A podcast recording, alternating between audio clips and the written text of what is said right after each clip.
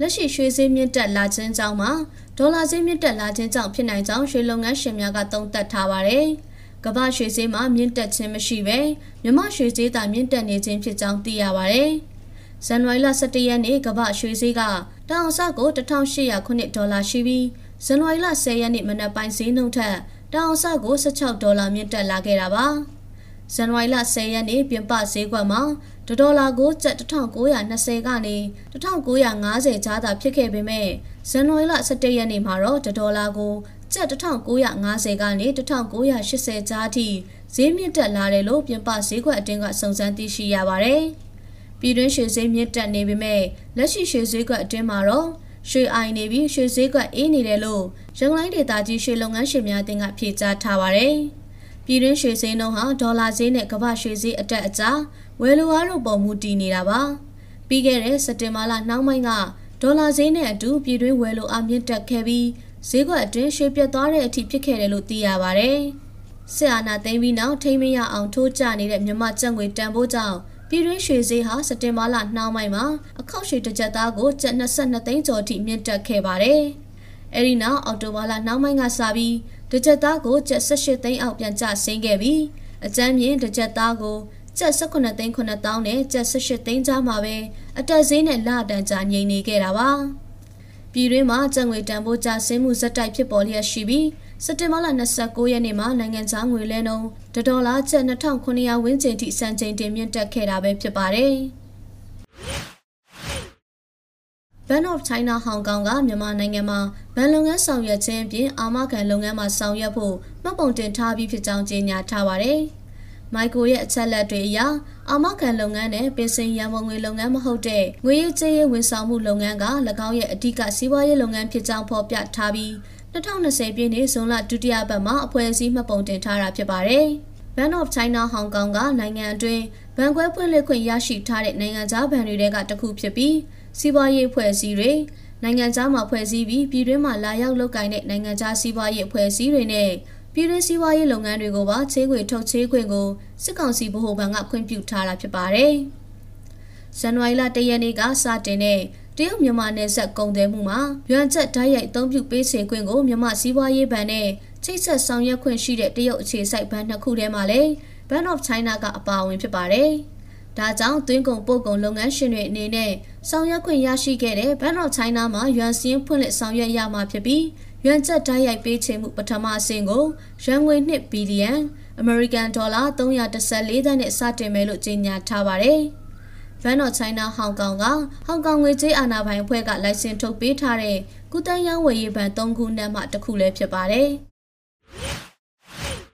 ဘင်္ဂလားဒေ့ရှ်အစိုးရကပြည်ပကနေတင်သွင်းတဲ့စက်သွန်ဒီတင်သွင်းမှုကိုအခွန်တိုးမြင့်ကောက်ခံနေတဲ့အတွက် မြန်မာကုန်သည်တွေအရှုံးနဲ့ရင်ဆိုင်နေရပြီးစက်သွန်ဒီတင်ပို့မှုကျဆင်းနေပါတယ်။အခုလိုပွင့်လင်းရာသီမှာဘင်္ဂလားဒေ့ရှ်နိုင်ငံမှာစက်သွန်စိုက်ပျိုးကြတဲ့တောင်သူတွေဈေးကောင်းရအောင်ပြည်ပကနေတင်သွင်းလာကြတဲ့စက်သွန်တွေကိုအခွန်အခတိုးကောက်တာဖြစ်လို့မောင်နှောနယ်ဇက်ကမြန်မာကုန်သည်တွေအရှုံးပေါ်နေရတာဖြစ်တယ်လို့မောင်နှောနယ်ကကုန်သည်ကြီးတို့ကပြောပါရယ်အရင်ကစက်သွန်1ကီလိုကိုဘင်္ဂလားငွေ3တက်ကအခွန်ကောက်ခံရက အခုတခါ1ကီလိုကို9တက်ကအထိတိုးမြင့်ကောက်ခံနေတာလို့သိရပါရယ်။မြန်မာကုန်သည်တွေကအကျိုးမြတ်တွေမျှော်မှန်းပြီးပြည်မကစက်သွန်ပွဲရုံတွေနဲ့ချိတ်ဆက်ခါပိတ်တာချင်းတိန်းတောင်းချီပြီးကြိုတင်မှာယူထားရတာတွေရှိနေပြီးတည်ယူပို့ဆောင်နေစဉ်အတွင်းမှာပဲဈေးကစားလိုက်တာဖြစ်လို့စက်သွန်ကုန်သည်တွေအနေနဲ့လည်းအကျိုးမြတ်မရှိဘဲမယောင်းချနိုင်ဘူးလို့ဆိုကြပါဗျ။မြန်မာဘင်္ဂလားဒေ့ရှ်နယ်စပ်ကုန်သွယ်မှုမြင်လာစေဖို့မြန်မာဘက်ကရောင်းသူဈေးကွက်ပေါ်ပေါက်လာအောင်ဖော်ဆောင်နိုင်ပါက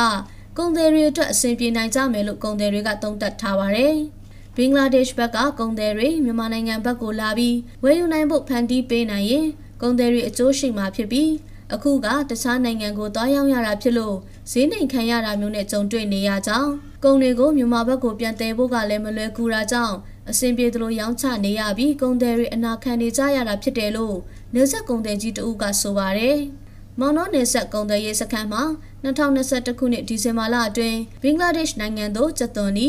ကီလို18သိန်း9800တင်ပို့ခဲ့ပြီးအမေရိကန်ဒေါ်လာ4သိန်း13360တန်ဖိုးအထိတင်ပို့ထားကြောင်းမုံနောကုန်သည်ရဲ့စီးရင်ရသိရပါဗျ။ AR တိုင်းဒေသကြီးအတွင်းအချို့မြို့နယ်တွေကမပဲအစ်စ်တွေဈေးကွက်ကိုအဝင်နှဲပါနေသေးပေမဲ့ပြပတင်ပို့မှုအတွက်အလားအလာကောင်းနေတာကြောင့်အယောင်းဝယ်တက်နေတယ်လို့သိရပါတယ်။ ဇန်နဝါရီလပထမပတ်အတွင်းမှာမပဲဈေးနှုန်းတွေကတတင်းကိုကျပ်4200ကနေကျပ်4500ထိပေါက်ဈေးရှိနေပြီးမပဲဟောင်းဈေးကလည်းအသစ်ဈေးထက်ကျပ်900နဲ့ကျပ်1000ခန့်သာဈေးကွာပြီးအယောင်းဝယ်ဖြစ်နေပါတယ်။ဇန်နဝါရီလ9ရက်နေ့မှာအိန္ဒိယနိုင်ငံရဲ့ပြည်တွင်းပဲဈေးနှုန်းဟာတကွန်တယ်ကိုရူပီ100လောက်ဈေးတက်လာတယ်လို့ဆိုပါတယ်။မပဲနဲ့ပဲစင်းငုံကိုကန့်သက်ကုန်စည်အဖြစ်ကနေကင်းလွတ်ခွင့်ပြုလိုက်ပြီး9နှစ်တာဗန္နာနှစ်အတွင်းမှာ တစ်နှစ်ကိုမပဲတန်ချိန်1.5သိန်းနဲ့ပဲစင်းငုံတန်ချိန်3သိန်းကိုနှစ်စဉ်တင်သွင်းခွင့်ဖြင့်နှစ်နိုင်ငံဆိုးရခြင်းသဘောတူလက်မှတ်ရေးထိုးပြီးနောက်မြန်မာမပဲကိုဝယ်လိုအားကောင်းနေပြီးမပဲအစ်စ်ကလည်းဈေးကောင်းရနေတာဖြစ်ပါတယ်။လက်ကျန်မြန်မာမပဲတန်ချိန်1.2သိန်းနဲ့2022ခုနှစ်ရဲ့မပဲခံမှန်းထွက်ရှိတန်ချိန်6.5သိန်းစုစုပေါင်းမပဲတန်ချိန်8သိန်းရှိနေပြီးတန်ချိန်9.5သိန်းခန့်ကိုပြည်ပသို့တင်ပို့ရန်ရှိနေတယ်လို့ AgriWorld Mobile ကခံမှန်းထားပါတယ်။အိန္ဒိယနိုင်ငံရဲ့နှစ်စဉ်မပဲစားသုံးမှုမှာတန်ချိန်28သိန်းခန့်ရှိနေတာကြောင့်မပဲစားသုံးမှုမြင့်မားတဲ့အပြင်မပဲကိုခွဲခြမ်းအနေနဲ့ပြန်လည်ပြုပြင်ပြီးပြည်ပကိုတင်ပို့နေတာလည်းဖြစ်ပါတယ်။2022ခုနှစ်အတွက်မြန်မာမတ်ပဲဟာဈေးကွက်အခြေအနေကောင်းနေရှိနေပြီးအဖွင့်ဈေးကလည်းကာလတူအရင်နှစ်တွေထက်ပုံမိုဈေးရရှိနေပေမဲ့ယခုနှစ်အတွက်မြန်မာငွေလဲနှုန်းကွာဟချက်ကိုပါထည့်သွင်းစဉ်းစားဖို့လိုအပ်ပြီး အိန္ဒိယနိုင်ငံအစိုးရတွေရဲ့ပြည်တွင်းပဲဈေးကွက်ကိုထိန်းချုပ်နိုင်ရန်လှုံ့ဆော်ချက်တွေအချိန်နဲ့တပြေးညီထုတ်ပြန်နေတဲ့မူဝါဒအပြောင်းလဲတွေကိုမျက်ခြေမပြတ်စောင့်ကြည့်ဖို့လိုအပ်တယ်လို့အေယာကုန်တယ်မှုဗဟိုဌာနကအသိပေးထားပါတယ်။ထိုင်းနိုင်ငံရှိစမှုစခွန်စမှုပရာကန်ချင်းမိုင်ချွန်ဘူရီရနောင်းခရိုင်တို့မှာဖွင့်လှစ်မဲ့မိသူမျိုးအဖြစ်ကြောင်းတက်သေးခံလက်မှတ် Certificate of Identity CI တက်တန်းတိုးစခန်းတွေမှာ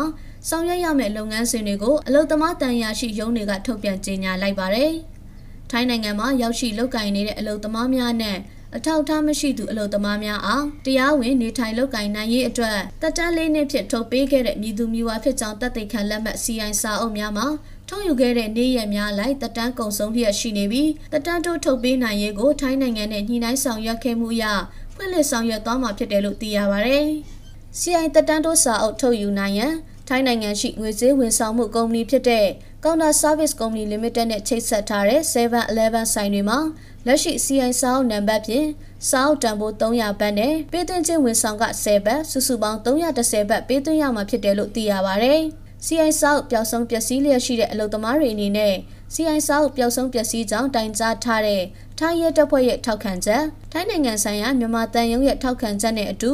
သက်ဆိုင်ရာ CI စခန်းများသို့လာရောက်လျှောက်ထားရမှာဖြစ်ပြီး ခွင့်ပြုချက်ရရှိချိန်မှာ CI ဆောက်ပျောက်ဆုံးမှုပျက်စီးမှုအတွက်မူလဆောက်တန်ဖိုး300ဘတ်ဒဏ်ကြေး180ဘတ်စုစုပေါင်း480ဘတ်အားစခန်းတာဝန်ရှိသူထံသို့ပေးသွင်းရမှာဖြစ်တယ်လို့သိရပါဗျ။ CI တတန်းတို့စာအုပ်နဲ့အတူ OWIC ကတ်ထုတ်ယူပြီးနောက် OWIC ကတ်ပျောက်ဆုံးပျက်စီးပါကထောက်ခံချက်တွေနဲ့အတူသက်ဆိုင်ရာ CI စခန်းများသို့လာရောက်လျှောက်ထားရမှာဖြစ်ပြီးဒဏ်ကြေးပါဝင်ဘတ်200ကိုစခန်းတာဝန်ရှိသူထံသို့ပေးသွင်းရမှာဖြစ်တယ်လို့သိရပါဗျ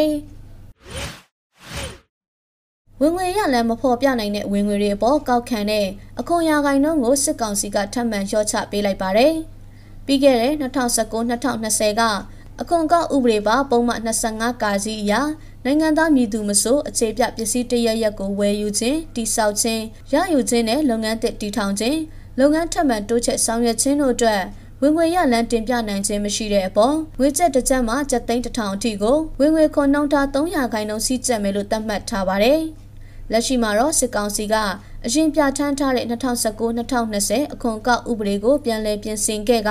ဝင်ငွေရလမ်းမဖော်ပြနိုင်တဲ့ငွေကျပ်တစ်ကျပ်မှာကျပ်သိန်း3000အထိကိုဝင်ငွေခွန်နှုန်းထား300ခိုင်နှုန်းသာပေးဆောင်ရမယ်လို့သတ်မှတ်ထားပါတယ်။ဒီဥပဒေကို2022ခုနှစ်ဇန်နဝါရီလ10ရက်မှမတ်လ31ရက်နေ့အထိအကျိုးသက်ရောက်စေရမယ်လို့ဆိုပါတယ်။ အခုလိုဝင်ငွေရလမ်းမဖော်ပြနိုင်တဲ့ဝင်ငွေတွေပေါ်ကောက်ခံတဲ့အခွန်ရာခိုင်နှုန်းကိုစစ်ကောင်စီကထပ်မံလျှော့ပေါ့ပေးလိုက်တာဟာငွေဖြူလုပ်ချင်တဲ့သူတွေအတွက်လမ်းဖွင့်ပေးလိုက်တာဖြစ်တယ်လို့အခွန်ပိုင်းဆိုင်ရာကျွမ်းကျင်သူတို့ကသုံးသပ်ထားပါတယ်။ပုံမှန်အားဖြင့်အခွန်စည်းကျပ်မှုမှကင်းလွတ်နေပြီးဝင်ငွေရလည်းမဖော်ပြနိုင်တဲ့ငွေတွေအပေါ်အခွန်ကောက်ခံမှုနှုံထားလျှော့ပေါ့ပေးတဲ့အခါအိမ်ချမ်းမြေကဏ္ဍတွေမှာဝင်ရောက်လာလေးရှိပါတယ်။ဒါပေမဲ့လက်ရှိမှာတော့အလုံးမဖြစ်တာတွေ့ရပါတယ်။ တိန်း3000အောက်တွေကိုအနှဲငယ်အဝယ်လိုက်လာတာရှိပေမဲ့အရင်ကလိုမြန်မြန်ဆိုင်ဆိုင်မရှိတော့ကြောင်းမပေးထားတဲ့ကာလကလည်းတိုးတဲ့အတွက်ပြောင်းလဲမှုကဘာဖြစ်မလဲဆိုတာမသိရှိနိုင်သေးတာကြောင့်အရင်ကလိုအိမ်ဆန်မြေကဏ္ဍတဲ့တိုးပြီးမဝင်ရောက်လာကြတာဖြစ်တယ်လို့ဝိုင်းရင်အိမ်ဆန်မြေအကျိုးဆောင်လုပ်ငန်းရှင်တို့ကသုံးသပ်ထားပါတယ်။ကြီးကြီးမားမားတက်ရောက်ပြောင်းလဲမှုတော့မရှိနိုင်ပဲနိုင်ငံခြားယင်းနှိမ့်မြုပ်နှံမှုလည်းမရှိတဲ့အချိန်ရှေ့အလားလာကလည်းကြိုတင်တွက်ချက်လို့မရတဲ့အခြေအနေမျိုးမှာ စီးပွားရေးတစ်ခုကိုအလားအလာကောင်းဖို့နဲ့တိုးဝင်လာဖို့အတွက်အခွန်လျှော့ပေးတာလောက်ဟာထိရောက်မှုမရှိနိုင်ဘူးလို့ဆိုကြပါဗျ။စစ်ကောင်စီကတတ်မှတ်ထုတ်ပြန်ထားတဲ့ပြည်ထောင်စုအခွန်ကောက်ခံဥပဒေအရတစ်ကြက်မှ3000အထိကို300ခိုင်နှုန်း3000မှ3000အထိကို900ခိုင်နှုန်း3000မှ3000အထိကို10ရာခိုင်နှုန်း3000မှ3000အထိကို15ရာခိုင်နှုန်းနဲ့3000ထက်ကို30ရာခိုင်နှုန်းကျခံရမယ်လို့သတ်မှတ်ထားတာဖြစ်ပါတယ်။ လက်ရှိဗန်နာနဲ့ဒီဇင်ဘာလ31ရက်အထိကာလအတွင်းမြန်မာထိုင်းနယ်စပ်မြောက်ရီနယ်စပ်ကုန်သွယ်ရေးစခန်းမှကုန်သွယ်မှုပမာဏဒေါ်လာ625တန်းကျော်ရရှိပြီးရခိုင်နှစ်ကာလတူထက်ဒေါ်လာ380တန်းကျော်ပိုမိုရရှိခဲ့ကြောင်းစစ်ကောင်စီရဲ့စီးပွားရေးနဲ့ကုသန်းရောင်းဝယ်ရေးဝန်ကြီးဌာနရဲ့စီးရင်များရသိရပါဗျ။2021ခုနှစ်2022ခုနှစ်ဘဏ္ဍာနှစ်အောက်တိုဘာလမှဒီဇင်ဘာလ31ရက်အထိမြောက်ရီနယ်စပ်မှာပို့ကုန်ဒေါ်လာ 236.15နှစ်တန်သွင်းကုန်ဒေါ်လာ389.196တန်းနဲ့ကုန်သွယ်မှုဒေါ်လာ625.38တန်းရထားတာဖြစ်ပါတယ်။ရခိုင်နှစ်ကာလတူကပို့ကုန်ဒေါ်လာ59.515တန်းသွင်းကုန်ဒေါ်လာ196.6ခွန်တန်းနဲ့ကုန်သွယ်မှုဒေါ်လာ254.185တန်းရရှိခဲ့ပါတယ်။အဆိုပါကာလတူနှစ်ခုကိုနှိုင်းရှင်ပါကလက်ရှိဘဏ္ဍာနှစ်ဒီဇင်ဘာလ31ရက်နေ့အထိမှာ ရခိုင်ကာလတူထက်ဒေါ်လာ381.163တန်းပုံမူရရှိခဲ့တာဖြစ်ပါတယ်။ COVID-19 ကြောင့်2019-2020ဘဏ္ဍာနှစ်အတွင်းမြန်မာထိုင်းနှစ်နိုင်ငံကုန်သွယ်မှုဒေါ်လာတန်9100ကျော်သာရှိပြီးရခိုင်နှစ်ထက်ကုန်သွယ်မှုပမာဏဒေါ်လာတန်350ကျော်လျော့ကျခဲ့ပါတယ်။2019-2020ဘဏ္ဍာနှစ်အောက်တိုဘာလ1ရက်မှစက်တင်ဘာလကုန်ထိမြန်မာဘက်မှပို့ကုန်တင်ပို့မှုတန်ဖိုးဒေါ်လာ3095.988တန်းဖြစ်ပြီးတော့ ထိုင်းဘတ်မှာသွင်းကုန်တန်ဖိုးဒေါ်လာ2021.925တန်းဖြင့်ကုန်သွယ်မှုပမာဏဒေါ်လာ9119.913တန်းရရှိထားပါတယ်။အမျိုးသားပုဂ္ဂိုလ်မဟာဗျူဟာ2020-2025မူပေါင်းဟာမြန်မာနိုင်ငံရဲ့မိုက်ခရိုအသေးစားနဲ့အလတ်စားစီးပွားရေးလုပ်ငန်းများနဲ့ပြည်တွင်းနဲ့ကမ္ဘာစီးပွားရေးဈေးကွက်မှာလက်ရှိတင်ပို့ရောင်းချနေသူများအတွက်အခွင့်အလမ်းသစ်များဖန်တီးပေးမိဖြစ်ကြောင်းသိရှိရပါတယ်။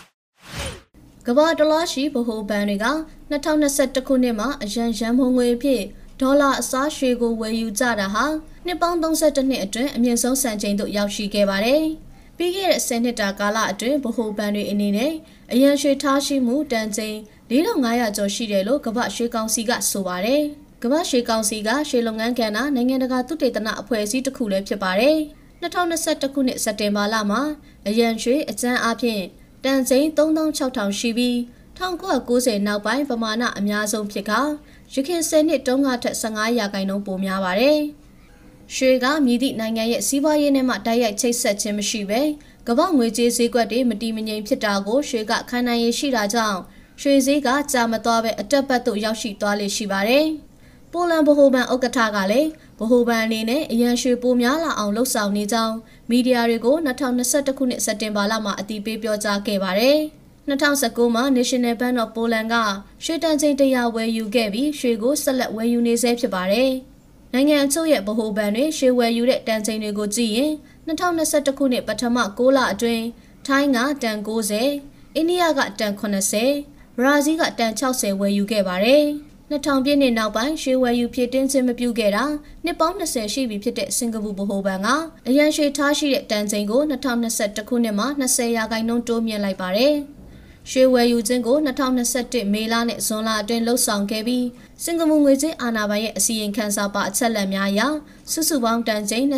26.35ဝယ်ယူခဲ့တာဖြစ်ပါတယ်။ဒါကြောင့်စင်ကာပူအနေနဲ့ယခုကအရန်ရွှေထားရှိတဲ့ပမာဏဟာ တန်ချိန်153.6ရှိနေပြီဖြစ်ပါတယ်။2008ခုနှစ်ကမ္ဘာငွေကြေးအကျပ်တဲကြုံခဲ့ရပြီးနောက်မှာဒေါ်လာကစိတ်မချရတာကြောင့်ဗဟိုဘဏ်တွေအနေနဲ့နိုင်ငံခြားငွေအရန်ရန်ပုံငွေကိုဒေါ်လာဖြင့်ထားရှိခြင်းအစားအရန်ရွှေထားရှိဖို့ရွှေဝယ်ယူကြတာကို2009ခုနှစ်ဝန်းကျင်မှာစတင်ခဲ့ကြပါတယ်။နိုင်ငံခြားငွေအရန်ရန်ပုံငွေထားရှိတဲ့ပမာဏရော့ကျလာခဲ့ပြီးအရန်ရွှေထားရှိတဲ့ပမာဏပိုများလာခဲ့တာပါ။ငွေတန်ဖိုးကျတာကြောင့်ရွှေဈေးအလိုလိုတက်လာပြီး ရွှေဈေးကခိုင်မာမှုရှိက2000ပြည့်နှစ်နောက်ပိုင်းငွေကြေးတန်ဖိုးကျမှုကြောင့်ရွှေဈေးပြင်းပြအားဖြင့်နှစ်စဉ်10ရာခိုင်နှုန်းတက်လာခဲ့ကြောင်းသိရပါဗျ။